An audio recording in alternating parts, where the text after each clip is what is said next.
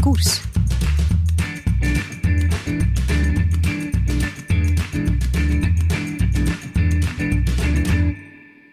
Welkom bij het tweede deel van onze podcast over Remco Evenepoel. Ik ben Christophe van der Goor en praat met zijn vader, Patrick Evenepoel, met zijn ploegleider, of een van zijn ploegleiders, maar de man die erbij was in de Ronde van Spanje, Klaas Lodewijk, en met zijn eh, vaste osteopaat en kinesist, Anthony Pauwels.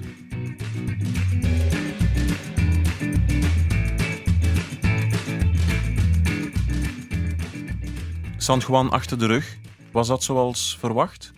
Of niet? Ja, ik vond dat wel. Ik heb, uh, ik heb het ook maar gezien op televisie. Um, maar ik denk dat het goed was dat hij weg was. Goed weer. Um, eigenlijk voldoende training kunnen doen daar.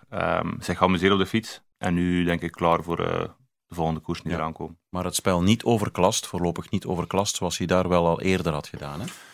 Ja, maar dat is ook niet nodig. Ik denk nu, hij had het ook al zelf aangegeven, door te gaan uh, versnellen op hoogte, uh, nog niet met topconditie, wat tegen de muur lopen. Maar zei ook, het is beter dat ik dat nu doe dan uh, als het echt belangrijk is. Ik denk dat vooral naar daar is geweest zonder enige druk, niks, gewoon genieten, koers maken, Fabio helpen voor de sprint en ja, gewoon nu de focus te pakken krijgen op de volgende koers die eraan komt, die wel belangrijk zullen zijn. En dat dat ook eens moet kunnen.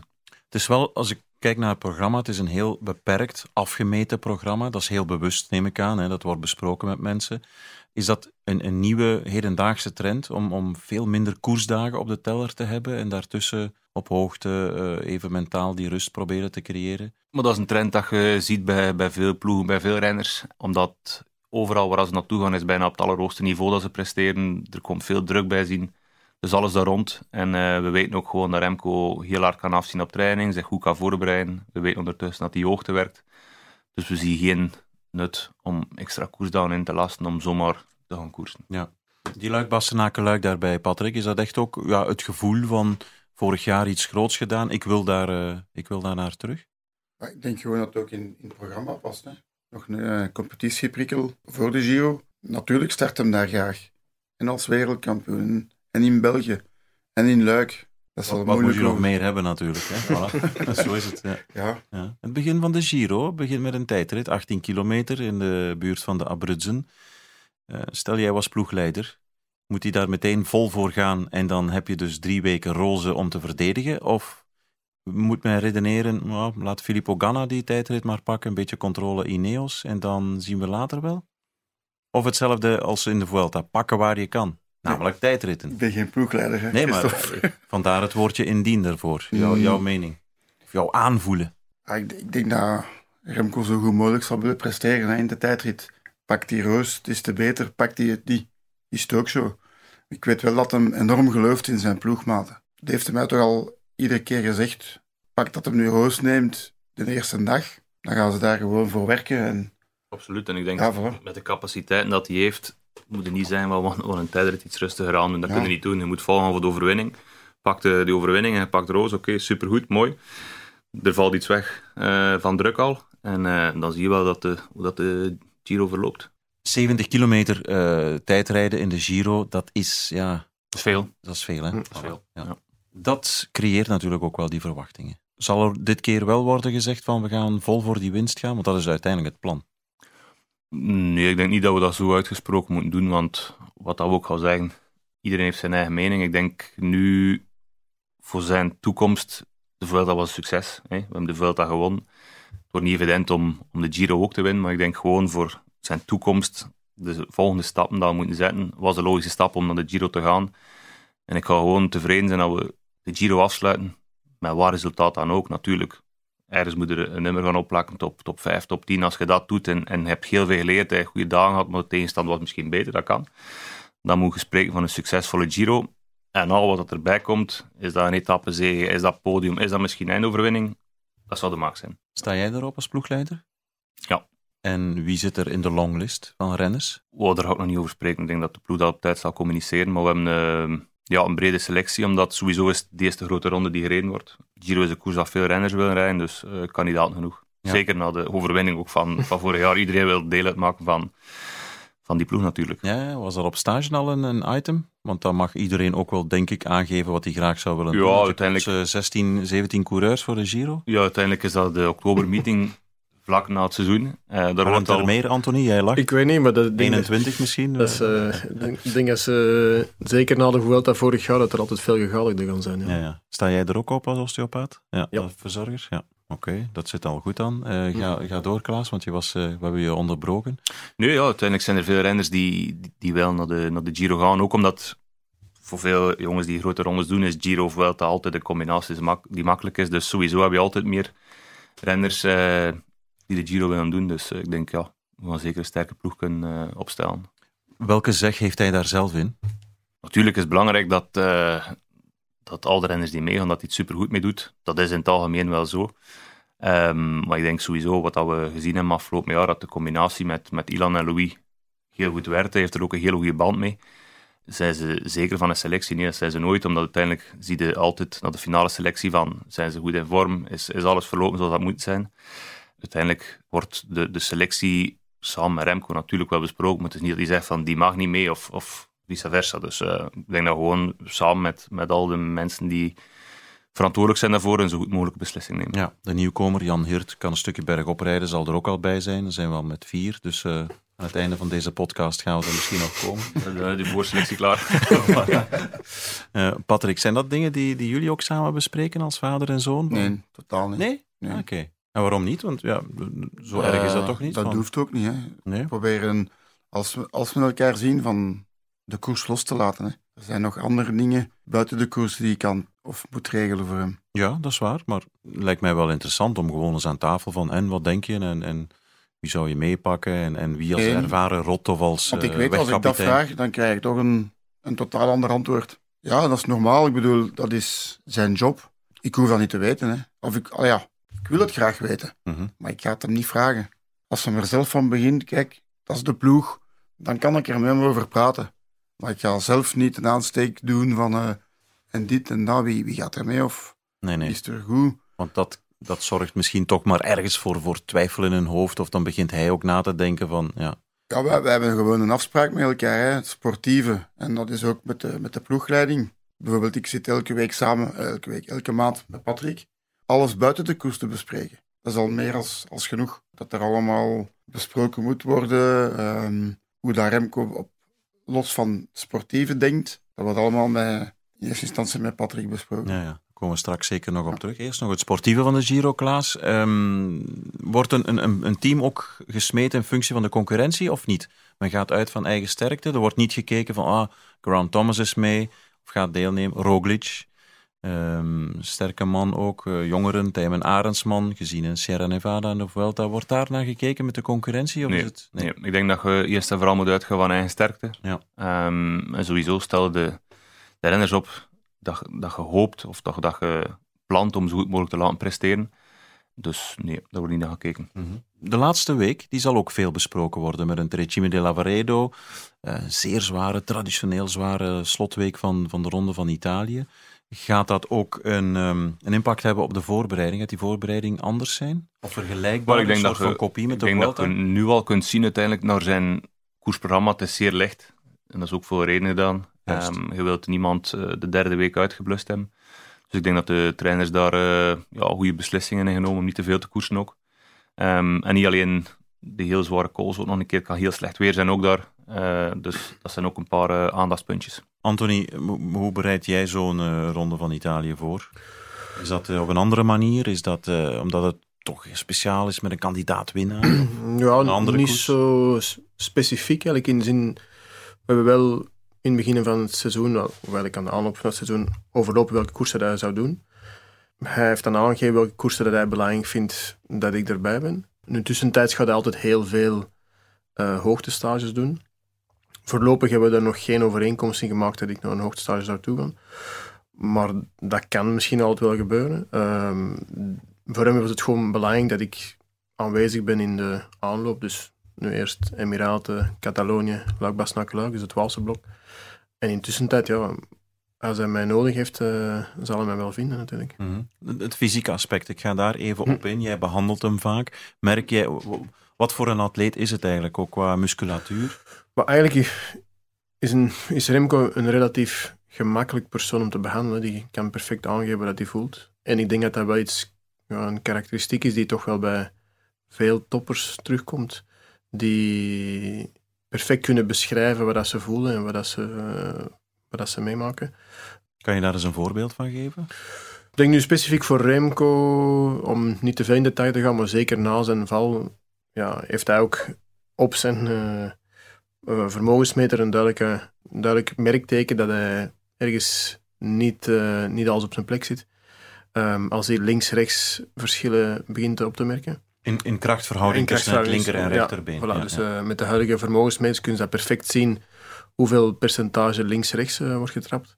En dat is meestal naar hem toe ook een, ja, een beetje een punt om te zeggen, toch best nooit alles nakijken. Ja. Verder, ja, het is niet dat we echt specifiek op een routine manier te werk gaan. Het is geen notto dat je moet onderhouden. Ik ga liever uit van het principe dat een, een atleet dat- of een patiënt dat zelf kan aangeven wanneer dat hij eigenlijk iets voelt, of dat iets eh, verkeerd of eh, goed zit. Ja, jij en verzorger eh, eh, David Geeroms, voelen jullie ook aan, zoals je af en toe eens leest of hoort, hè, hoe voelen jullie aan de spieren een paar dagen voordien van deze zijn zeer soepel of zeer... Nee, Goed dat in is- vorm, ik vind dat een nee? heel moeilijk iets om, om te bevestigen, maar ik kan dat, niet, eh, ik kan dat zeker niet zeggen. Mhm. Ehm, ik denk dat in zijn geval een beetje de combinatie van mental state of mind eh, plus hoe dat hij zich naar ons voordoet, betere parameters zijn dan eh, zeggen van ja, ik voel dat hij gouden benen heeft vandaag. Nee, dat is moeilijk te zeggen. Topsporters willen het cliché zijn ook eeuwige twijfelaars. Hè. Ze, zelfs al hebben ze op zondag gewonnen, dan denken ze de week nadien van oei, ga ik het nog kunnen. Mhm. Is dat bij hem ook zo op de massagetafel bijvoorbeeld? Dat hij checkt, afcheckt van hoe goed ben ik? Of, of, het- Ja, nee. ehm, of druipt hij heel veel hij, ja, van, hij heeft wel veel, hij zelfvertrouwen? heeft veel zelfvertrouwen. Hè? Ja, ja. En dat, is, ehm, dat typeert hem ook een stuk. Hè? Heeft hij dat altijd gehad als kind? Ja. Zelfvertrouwen? Ja. Dat was een paai. Misschien. ja dat dat Nee, is ja. het karakter. Eh, Nooit twijfelen, nooit. Toch niet op sportief vlak. School was iets anders. Ja.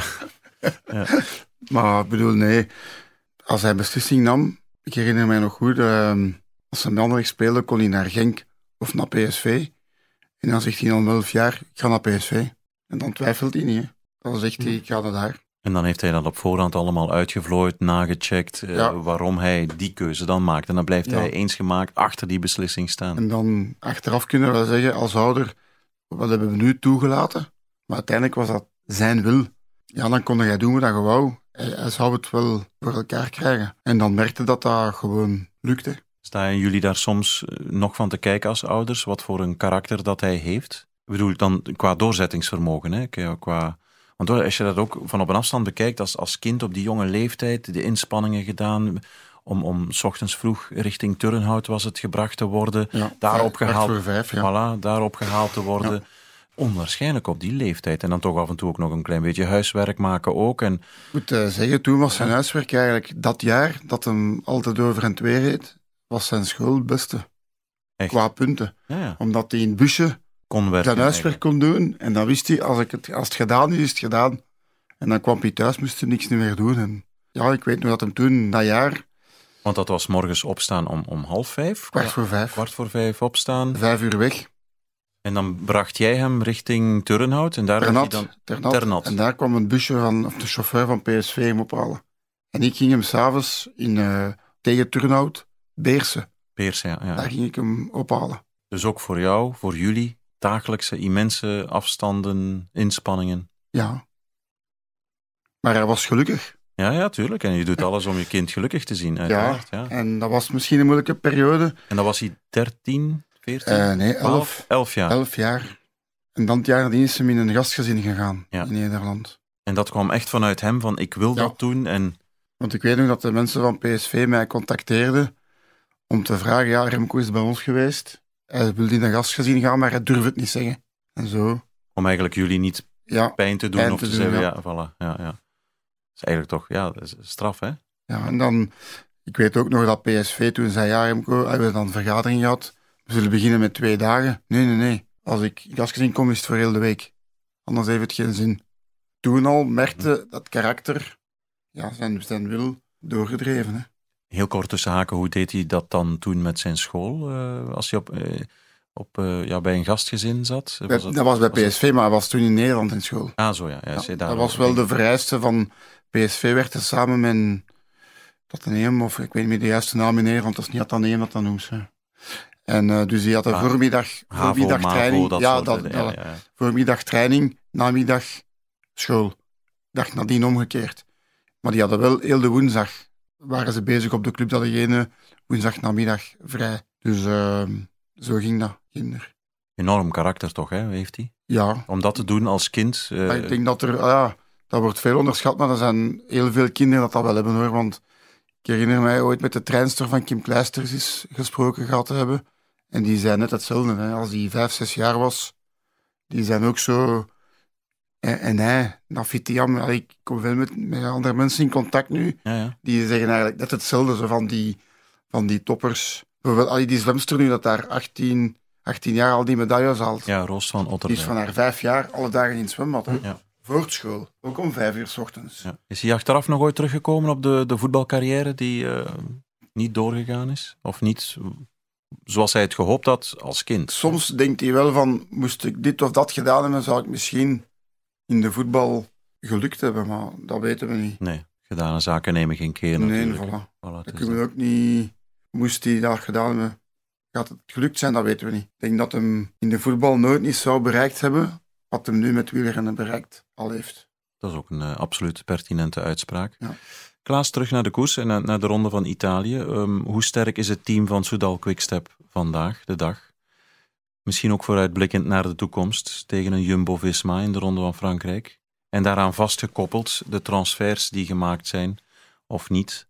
Ik denk dat dit, dit jaar voor ons nog een overgangsjaar is, laat ons zeggen. Ehm, we hebben natuurlijk een goede transfer dan met Jan Hirt. Die 910 ook zal starten in Giro.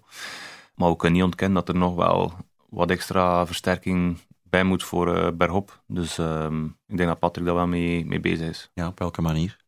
Met, met zien achter de renners die Remco kunnen bijstaan eh, bergop. Hoe moeilijk is dat? Want ja, ga ze maar zoeken natuurlijk. Mensen die relatief betaalbaar nog zijn, die, die lang bergop kunnen meegaan. Maar Ik denk dat eh, zoeken is naar iemand met het juiste profiel, die enigszins betaalbaar is. En eh, goed, met de opleidingsploeg nu zijn we ook vol een bak bezig met de juiste talenten aan het zoeken, ehm, die ook de groei kunnen blijven maken. Ehm, dus ehm, ja, één of twee versterking bergop en dan hopelijk eh, een jeugdige stroom met eh enorm veel potentieel. Ja, want dat was ook een van de vragen die ik had voorbereid, omdat ik dat antwoord wel verwachtte vanuit die opleidingsploeg. Hoe snel kan dat gaan? Vooraleer dat iemand doorstroomt en stroomt die klaar is om op dat niveau te kunnen meestrijden vanuit een opleidingsteam. Hè? Ik denk Zijn dat je drie, kunt vier niet, jaar? Ja, je kunt niet er echt een tijd gaan opplakken. Ik denk, ehm, we moeten de beste renners vinden. Dat eerst en vooral. En dan kan het heel snel gaan. Maar dat is moeilijk om de rechte termijn, termijn te gaan opplakken. Zijn er nog jongens vanuit jouw opleidingsteam van, dus nu al een aantal jaar geleden, van bij, bij BMC die jij volgt, die vandaag de dag al prof zijn en eh, waarvan je zegt van, ah, die zitten momenteel in een dipje in hun carrière, misschien moeten we daar eens op eh, gokken of wedden? Of hoe volg Ja, dat? ik, ik, ik volg die renner natuurlijk nog. Dat is normaal als je daar twee jaar intensief mee gewerkt hebt. Maar goed, ik denk dat het niet aan mij is om die renners eh, rechtstreeks te gaan benaderen. Eh, we hebben natuurlijk wel ik, een goed gesprek gehad met bepaalde renners al. Eh, maar het is niet alleen dat, het is ook eh, het financiële plaatje die moet kloppen. En eh, dat is niet mijn bevoegdheid. Nee, dat is waar. Wat is het juiste profiel dat bij Remco Evenepoel past in de grote rondes? Waaraan is het meest nood? Mannen die tot op 10 kilometer eh, kunnen meegaan? Nee, iemand die, iemand die echt kan nog op kop rijden als ze maar met een man of 7, 8 niet Ja. meer overschiet, maar die gewoon geen winnaar is of die gesnapt heeft van ja, Een goede Laurens de Plus, zoals die dat bij Sky zo'n type renners inderdaad. Ja. Yes. Ja, er zijn natuurlijk wel een aantal renners met zo'n profiel, zoals Laurens. Alleen moet je zien, ja, wat is de duur van een contract nog? Zijn ze vrij, zijn ze niet vrij? Het is ook niet nodig om een transfer te doen waar je weet van, ja, dat dat eigenlijk een hok is. Ik denk, de transfer dat we nu doen, moet, moet er wel boenkop zijn. Eh, Je moet op die persoon kunnen rekenen. Dat is waar. Zeker als je volgend jaar naar de Tour wilt, dan moet je echt wel een ploeg hebben die, die ook competitief is. Daarom nu, we hebben, we hebben de tijd om, om het juiste profiel te zoeken. Dus eh, hopelijk eh, lukt ons dat. Ja, maar dat wil, dan, dat wil wel zeggen, de consequentie daarvan is dat er volgend jaar heel wat, trans, enfin, heel wat dat er belangrijkere transfers moeten gedaan worden, hè, denk ik, door Lefevre. Dat zou nodig zijn, ja. Ja, je houdt het kort omdat dat een, een gevoelig thema is. Ja, gevoelig nee, Dus, eh, gewoon... Een wij- belangrijk thema. Het is een heel Ja. belangrijk Ja. thema. Ehm, en ik wil ook geen, geen bruggen opblazen. Dus ehm, ik denk Patrick heeft al al die jaren goede transfers gedaan. Ik denk dat hij dat nu ook zal doen. Ja. Ehm, En ja, dan zien we wel wie dat, wie dat wordt. Patrick Evenepoel, ja, je zei het daar straks ook al. Ik, ik zit maandelijks samen met uh, Patrick Lefevre uh, over de extra, extra sportieve zaken. Dat soort transfers, dat is wel sportief. Bespreek je dat ook met hem? Geef je daar je mening van dat en dat is nodig? Nee, nee absoluut niet. Sportief uh, bespreken we eigenlijk niks. Ah, ja. Het is wel zo dat, dat Patrick zegt, dat zal Klaas ook wel weten, zij worden enorm benaderd nu door de managers. Managers die eigenlijk al hun, hun renners komen aanbieden voor volgend jaar. Die weten wat, welk profiel dat ze nodig hebben en dat die, die prijzen enorm de lucht ingaan. En dan is de, het vakmanschap ja, van Patrick dat dat al jaren doet, de juiste, de juiste man kiezen op de juiste plaatsen. Ja, want van, van, van buitenaf gezien, oké, okay, Merlier is gekomen, dat is een sprinter, dat is niet iemand voor in, in een Tour of in een Giro-ploeg. Jan Hirt ook. Maar ik kan me wel voorstellen dat mensen van buitenaf zeggen, is, is het dat maar? Uh, mocht er niet meer volk voor bergop uh, bij komen? Ik zal zeggen, laat de mensen maar zeggen. Hè. Ik denk dat, uh, dat ze binnen de ploeg ehm, wel weten wat, wat dat ze moeten doen. En ik zeg het nog eens, Remco gelooft enorm in zijn eigen ploegmaats. Dus hij gaat ervan uit dat die ook mee gaan groeien. Zo denkt hij. Dat heeft hij mij toch eens gezegd. Ik denk wel dat dat... Ja, we kunnen dat bevestigen. Ja. Ik denk, uiteindelijk, als je ziet nu, onze Vuelta-ploeg was was ook heel sterk. Als je dan ziet bijvoorbeeld, uh, Jumbo, Jumbo kon ons ook niet echt pijn doen daar, omdat ook, oké, okay, Sepkus was, was naar huis ook wegens corona en zo, maar, maar Movistar stak er ook niet bovenuit. Uh, maar natuurlijk, de Tour wordt nog iets anders, met Ineos op volle sterkte, Jumbo volle sterkte. Uh, dus ja, we gaan zeker onze, onze handen aan vol hebben, maar ehm, zoals Patrick ook zei hier, als er zoveel renners nu worden aangeprezen en de prijzen worden zodanig hoog gelegd, je moet ook iemand vinden met de juiste intentie. Je moet niet iemand hebben die zegt van ik ga er nog twee, drie jaar mijn zakken vullen. Um, want daar zijn we ook niks mee. Dus ik denk, ja, wachten op de juiste moment, de juiste persoon en uh, hopelijk een toptransfer. Tussen haken, omdat dat wel een interessante renner ook is, Ilan van Wilder, hè, bij, bij de jeugd een, een degelijke concurrent van Remco Evenepoel. Hoe lang kan zo'n jongen wachten om voor zichzelf eens uh, een kans te krijgen in een ronde? Of zeggen jullie, ja, die moet eerst uh, zich bewijzen in Catalonië, rondes van één week en dan pas zullen we zien. Want ja, jonge gasten zijn ambitieus, zeker wanneer ze talent hebben. Hoe zie jij die ontwikkeling? Ik denk eerst en vooral uh, dat we mogen trots zijn dat we met Dylan hebben gewerkt afgelopen jaar. Ja, uh, en toch een serieuze dip gehaald en nu, nu presteert het op een heel hoog niveau. We hebben ook al vaak het gesprek gehad met Dylan zelf en met zijn manager ook van wat dat we zien voor hem voor de toekomst. Ik denk dat hij ook vrij nuchter is. Maar natuurlijk heeft zo'n renner met, met, met zoveel talent, met ook ambitie, af en toe zijn eigen kans nodig. Dat is duidelijk. Uh, maar we, zijn er ook, we staan er ook voor open. En op het moment dat we zien dat, dat die combinatie moeilijk is, ja, dan moeten ze een beetje gaan afscheiden. Maar ik denk voorlopig weet hij ook dat, dat er nog zoveel eh, stappen te zetten zijn eer dat je op dat niveau komt van, van een grote ronde mee te doen. Uh, maar ongetwijfeld dat hij zijn kans krijgt in, in koersen van een week. Antonie is boeiend, denk ik, dat mentalen ook. Hè? Het werken met topsporters eh, die allemaal begonnen zijn met talent om koersen te winnen, om, om mhm. ja, topsporters te zijn en die zich vaak moeten schikken naar of met en het teamgegeven. Hoe beleef jij dat eigenlijk? Ja, sinds dat ik in de wielersport begonnen ben, eh, dus dat is ja, 2010, 2011, zoiets, is er ook wel een enorme evolutie geweest. Hè? De, belang van een, een psycholoog of een sportpsycholoog, zeker in, in de wielersport dan, is toch alleen maar belangrijker en belangrijker geworden. En ik, zie ook wel een enorme ja, evolutie erin, dat er ook veel meer over gesproken wordt. Uh, mijn beginjaren bij BMC werd er quasi niet over gesproken. Uh, en dan zie je het ook door de jaren heen bij ploeg van Patrick de Vijver, dat er, ja, dat er meer en meer aandacht aan wordt besteed niet enkel aan dat fysieke, maar zeker aan dat, aan dat mentale, hoe dat een renner zich voelt, hoe dat hij het seizoen doorkomt, uh, welke problemen er op de achtergrond zouden kunnen liggen die aan een ander probleem zouden kunnen voorbrengen. Dus um, ja, dat is toch een, een belangrijke evolutie geweest de afgelopen jaren. Ja. Hoe zie jij uh, zijn ontwikkeling, de stappen die gemaakt worden? Vuelta, dit jaar Ronde van Italië, dan komt normaliter de Ronde van Frankrijk. Um, stap per stap, denk ik. Denk dat we echt... Eh, hij is nog altijd maar 23. Um, ehm, hij heeft al zoveel grote stappen gezet. Uh, fysieke, maar ook zeker mentale. Ik denk dat niemand vorig jaar, begin dit jaar, eh, vorig, begin vorig seizoen eigenlijk had verwacht dat hij wel degelijk al die grote stappen ging.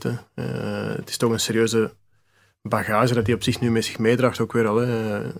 Continu met die trui als wereldkampioen rondrijden, dat geeft enorm veel druk. Ik zie het heel rooskleurig voor hem in, om het een beetje uh, uh, ironisch te zeggen, maar... Um, Pure poëzie, Anthony. ja, ja. Uh, maar ik herinner mij, Patrick, een paar jaar geleden, de mediadag, veel bekende mediadag in Calpe altijd, bij de ploeg van Patrick Lefevre. Nam toen nog een, een podcast met hem op, een langer radiogesprek van 20 minuten. Ik denk dat dat 2000, ja, net voor corona was, uh, de winter van 19 naar 2020. En toen zei hij al, ja, toen ik hem de vraag stelde, wat wil je ooit later? Ja, ik wil uiteindelijk wel de Ronde van Frankrijk winnen. Dat, dat wil ik, dat, dat sprak hij vrij uit. Maar dat wordt concreter en concreter. He, de Vuelta, nu komt die Giro, uiteindelijk komt, ja, moet die Ronde van Frankrijk er ooit gaan komen. Wat is precies de carrièreplanning? Ziet die er zo uit? Ik heb er geen idee van. Um, Nog wel. Ja, ik heb misschien mijn idee, maar ik denk vooral, iedereen spreekt nu van 24 de Tour, maar stelt dat het parcours hem niet aanstaat. Dan weet ik niet wat hem gaat doen. Een kennende gaat er niet verplicht moeten naar een Tour gaan, want dan, dan loopt het ook verkeerd af. Maar als het parcours hem niet zou aanstaan, of hij denkt van, ja, de Vuelta ligt mij beter volgend jaar, mhm. dan zal het aan hem zijn om dat met de ploeg te bespreken. Maar ik denk niet dat er iemand hem gaat moeten bepalen. Nu moet jij een Tour gaan rijden. Ja, ja, ja. Denk ik. Mhm. Het moet vanuit de topsporter zelf komen, want anders is het al met een halve tegenzin. Ik denk dat dat ook bij hem het beste werkt. Hè? Ja, dat, dat lukt niet ook. Je moet niemand opstellen. En de koers dat hij misschien niet wilt zijn. Ja. Um, maar dat is wel interessant wat Patrick zegt. Stel dat nu in 2024 het parcours met een nog altijd relatief uh, weinig tijdritkilometers zou zijn. Dat zou dom zijn van Prudhomme, maar goed. Kan je het dan maken om te zeggen, we gaan terug naar de Vuelta? Ja, uiteraard kan je dat altijd maken, maar ja, dan, dan, dan je snapt wat ik wil zeggen. Dan gaan er toch wel veel vragen bij komen. Nu is het eigenlijk wel tijd en Pogacar al twee keer gewonnen, was nog maar 22. Dan, dan komt die lawine toch op je af, nee? Dat kan, maar goed, wij werken met Remco Evenepoel, dus uh, ja. ik denk als dat beter is voor de renner zelf, dan gaan we dat doen. Maar dat is nog ja, ver af. Laten we eerst beginnen met de, naar de Giro te gaan. Wat ben je toch zo nuchter, Klaas Lodewijk. Ja, altijd en je geweest. hebt ook nog de Olympische Spelen na de Tour, hè? Juist, de week in Parijs. Na, ja. na de Olympische Spelen is de wegrit al, hè? Er komt nog zoveel eerst. Ja, dus, uh, ja, en daar heeft hij eigenlijk ook, ik zal niet zeggen een eitje te pellen met, maar uh, de, nee, weg, maar de weg, weg en tijdrit in Tokio hadden beter gekund. Maar ik wou gewoon zeggen, ja, zwaar. hij zou do dolgraag naar een Tour gaan. Maar ik wil maar zeggen, moest het hem niet aanstaan, of het parcours staat hem niet aan en hij vindt dat de Vuelta een beter ligt bijvoorbeeld, dan gaat hij dat wel bespreken. Terecht, hè? Ja. Vind ik. We hebben het hier in dit gesprek al een aantal keer gehad over vakjes die moesten worden aan, aangevinkt en afgevinkt. Wat nog allemaal? Wereldkampioen tijdrijden, dat, dat, dat moet. Hè. Dat heeft hij zelf al een keertje gezegd. Olympische Spelen, hoe belangrijk zijn die voor hem? Want ja, daar de allergrootste willen ook daar scoren. Denk bijvoorbeeld aan Pitcock, hè. Olympisch kampioen mountainbiken, oké. Okay. Been there, done that. Wereldkampioen in het uh, cyclocrossen. Welke vakken wil hij, hij nog allemaal, wat wil hij nog realiseren? Oh, ik denk al wat hij opnoemt, hè, ja, ja, dat dat voor hem belangrijk is. En dan gaat het alleen over de prestatie, hè ik weet zeker dat hij ook is droomt van Olympisch kampioen te worden. Want ja, ik denk dat dat het allerhoogste is. Sportief toch wel, Sportief toch, hè? Misschien niet in het wielrennen, maar sportief Olympisch kampioen worden. Dus een... Is er iets hoger, Christophe? Ik weet het niet. Nee, kijk naar Van Avermaat. Die uh, teert daar nog altijd op. Dus uh, dat is, zal voor eeuwig de geschiedenis ingaan als de Olympische kampioen, uiteraard. Ja. En er is een hele goede samenwerking met uh, Cedric van Rantegem en hm. Jean-Michel Seyve. Dat is Mensen van BOIC. Ja. ja, er is ook een hele... Een nieuwe vibe sinds... Een nieuwe vibe, jonge cultuur. Dat is echt tof om te, om, mhm. om, om, te zien en om, om met, met te praten. Wat is uiteindelijk zijn drijfveer, Patrick? Is dat uh, koersen winnen? Is dat de geschiedenis willen ingaan? Is dat het beste uit zichzelf halen? Wat is zijn ultieme drijfveer? Jij kent hem misschien als beste. Ultieme drijfveer, ja. Aantonen dat hem, ja, prestaties, hè. winnen. Gewoon die, om te even waar, denk ik, dat wil ik winnen en dan zal hem er alles aan doen om dat te bereiken. Het is eigenlijk ook een combinatie van al die factoren die we net uh, opzonden. Hè? Ook, ook het beste uit jezelf halen en achteraf niet kunnen zeggen van had ik maar. Absoluut. Dat hij niet kan zeggen achteraf van dat was ook onze insteek. Uh, als hem kleiner was, van dat, we, dat hem ons later niet kon zeggen ik mocht niet van jullie. Als die trein passeerde van PSV, ja. oké, okay, we ja. gaan dat doen voor hem en dan zien we wel. Ja. Dat hem, De kans niet ontnemen. Dat is zo'n beetje denk ik dat ook vele ouders een keer eh, moeten overwegen van zichzelf opzij te zetten en denken van oké, ik gun mijn kind dat. Hij is gelukkig. Maar dan kunnen achteraf ook niet te horen krijgen van ik mocht niet van jullie. Dat dat heel veel voorkomt. Hè. Met Dus, eh, frustraties van dien. Ja. En ik denk dat dat ook een beetje zijn drijfveer is van oké, ik heb altijd de kans gekregen. Niet dat dat moet, maar hij wil zich dan wel bewijzen. Uit dankbaarheid ook ergens in zijn Ook, achterhoofd. Ja. Op, op dat vlak denk ik wel. Eh, Klaas, eh, hoe verschillend is het om met een gewone goede coureur, want ja, als je prof bent kan je met de fiets rijden, ben je goed, en, en de allergrootste bovenlaag eh, te werken, de absolute toppers. Met een klasbak, met, met goede renners, je over het algemeen veel minder werk. Je hebt vooral werk met de renners die, die dag in dag uit ook vol een bak trainen en supergoed soigneren en dit en dat, om altijd dat hoogste niveau te bereiken. Ook van ja, ik moet terug op kop rijden, ik moet terug dit, ik moet terug dat. Met die jongens moeten spreken, ik moet altijd uitleggen waarom. Dus ja, ik vind het eigenlijk gemakkelijk om te werken met, met grote kampioenen. Bij wie het vaker vanuit zichzelf komt. Ja, zij doen ook, zij soigneren zich, zij doen wat ze moeten doen en zij trekken geregeld aan de bel.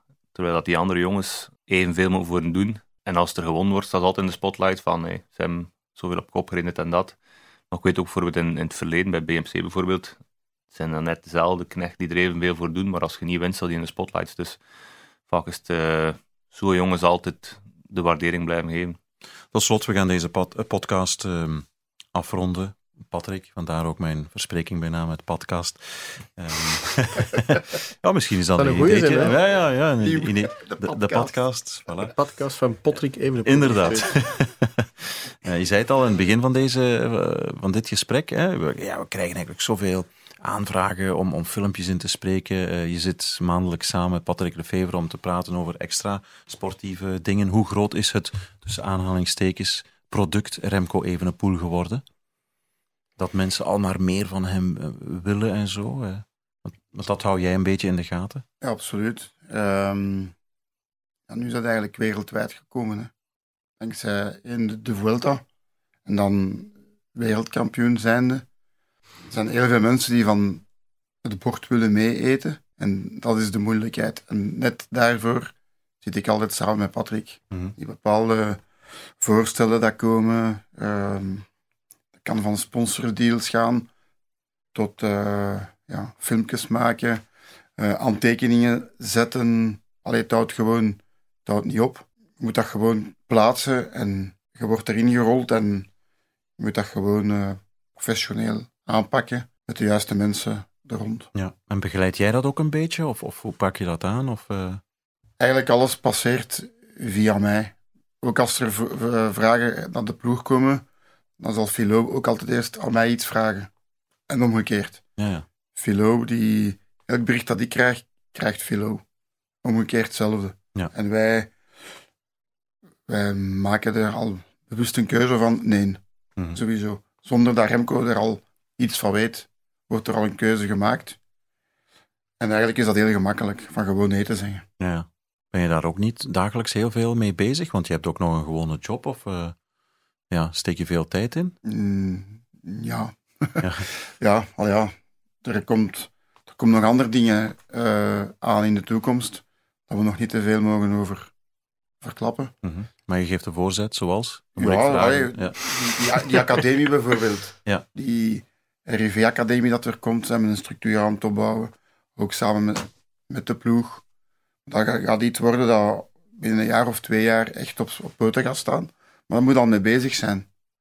Dus eh, dat komt er ook allemaal bij. Ja. Is dat iets dat, dat, dat je graag doet, zo'n beetje managen ook en begeleiden? Of, eh? Ja, want het is eigenlijk... Het idee komt altijd van Remco. Ja. Dat, dat bijvoorbeeld kwam van Remco en dan zegt hij tegen mij, doe dat zo.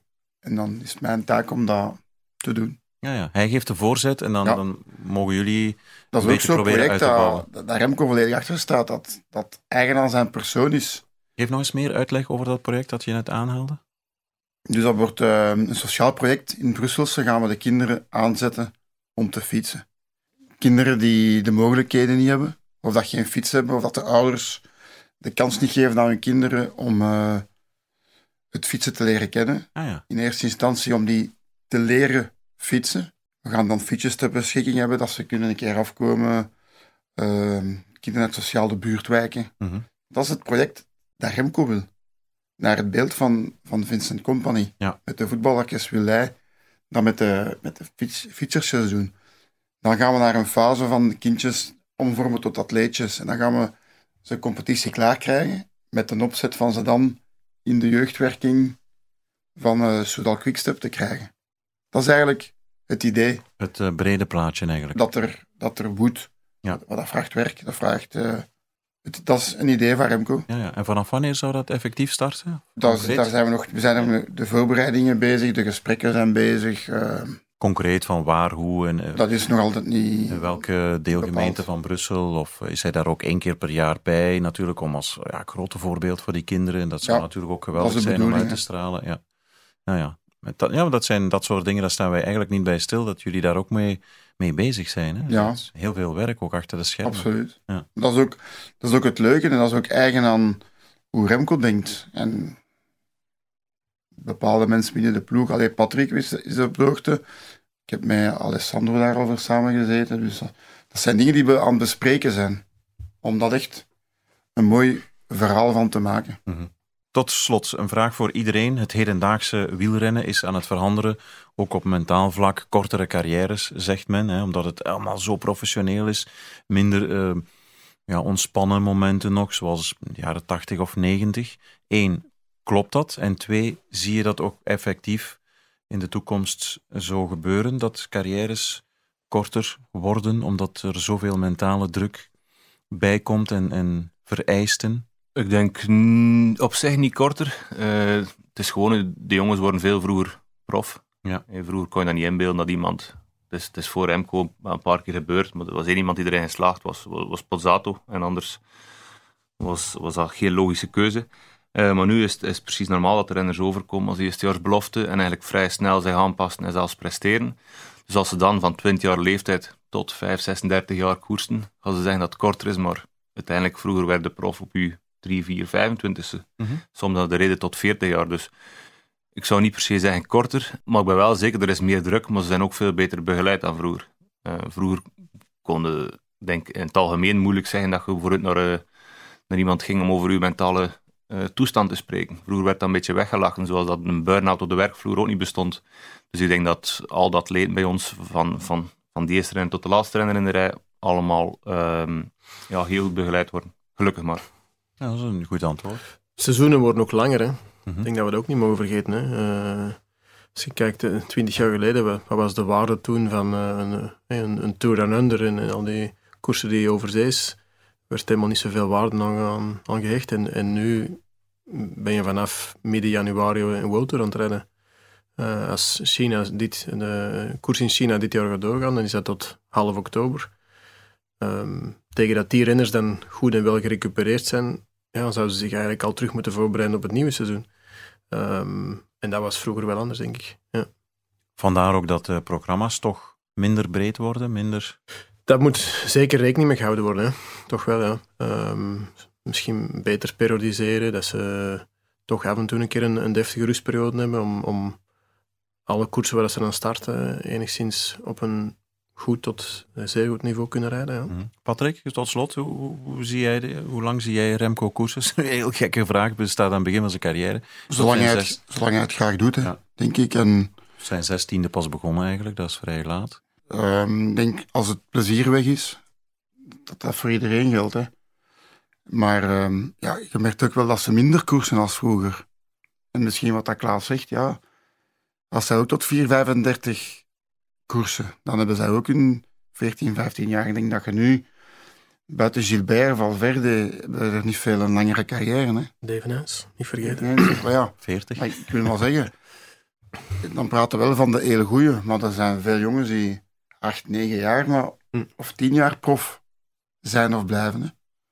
Dus ik denk, ja, je kunt dat moeilijk inbeelden, denk ik, of inschatten. En ja, de druk, ja, maar die is het gewoon leven, die zie je er ook. Hè. Als je nu een eigen zaak hebt, is er ook alle dagen druk.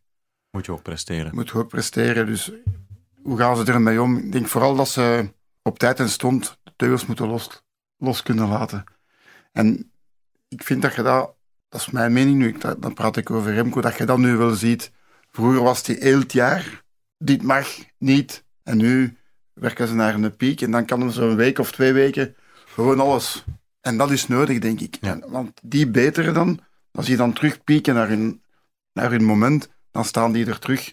En die dat zo altijd op diezelfde lijn blijven heel het jaar, van dit mag niet, dat mag Dat niet. is onmogelijk. Dat is onmogelijk, hè. Ja, ja. En, Nou ja, dan gaat die elastiek veel sneller eh, Ja. breken en, en knakken Ja. eigenlijk. Ja. en daar is ook die, die hoogtestages zijn daarvoor goed, denk ik. Dat ze daar toch een keer een paar dagen Weg van alles zijn. weg van alles, gewoon los. En ze gaan wel trainen en zitten op hun hoogte en ze amuseren zich. En automatisch verbeteren ze. Alright. Als we deze eh, podcast herhalen in september, heren, dan kunnen we zeggen een tweede opeenvolgende overwinning van Luik Bastenaken Luik. Top 3 in de Ronde van Italië. En wereldkampioen tijdrijden in Glasgow. Dat gaan we afvinken. Oh, dat, wil ik, dat wil ik direct tekenen. Wat ik? ik zal u het berichtje laten zien. eh, In september. Ah, dan pas. Dat mogen we nu nog niet zien. Maar zitten we in de buurt? Eh, er zit... eh, Er ja, een paar tussen. zeggen de, Een kleine waarheid. de, ro- de roze lijn is... eh, De roze lijn is, voilà, oké. Dat is mooi om niet te eindigen. Dankjewel eh Klaas Lodewijk, ploegleider. Dankjewel Patrick Evenepoel, vader uiteraard. En dankjewel eh Anthony Pauwels, osteopaat van Remco Evenepoel. Heren, tot een volgende en succes Dank dit jaar. Dank u wel. Gedaan, dank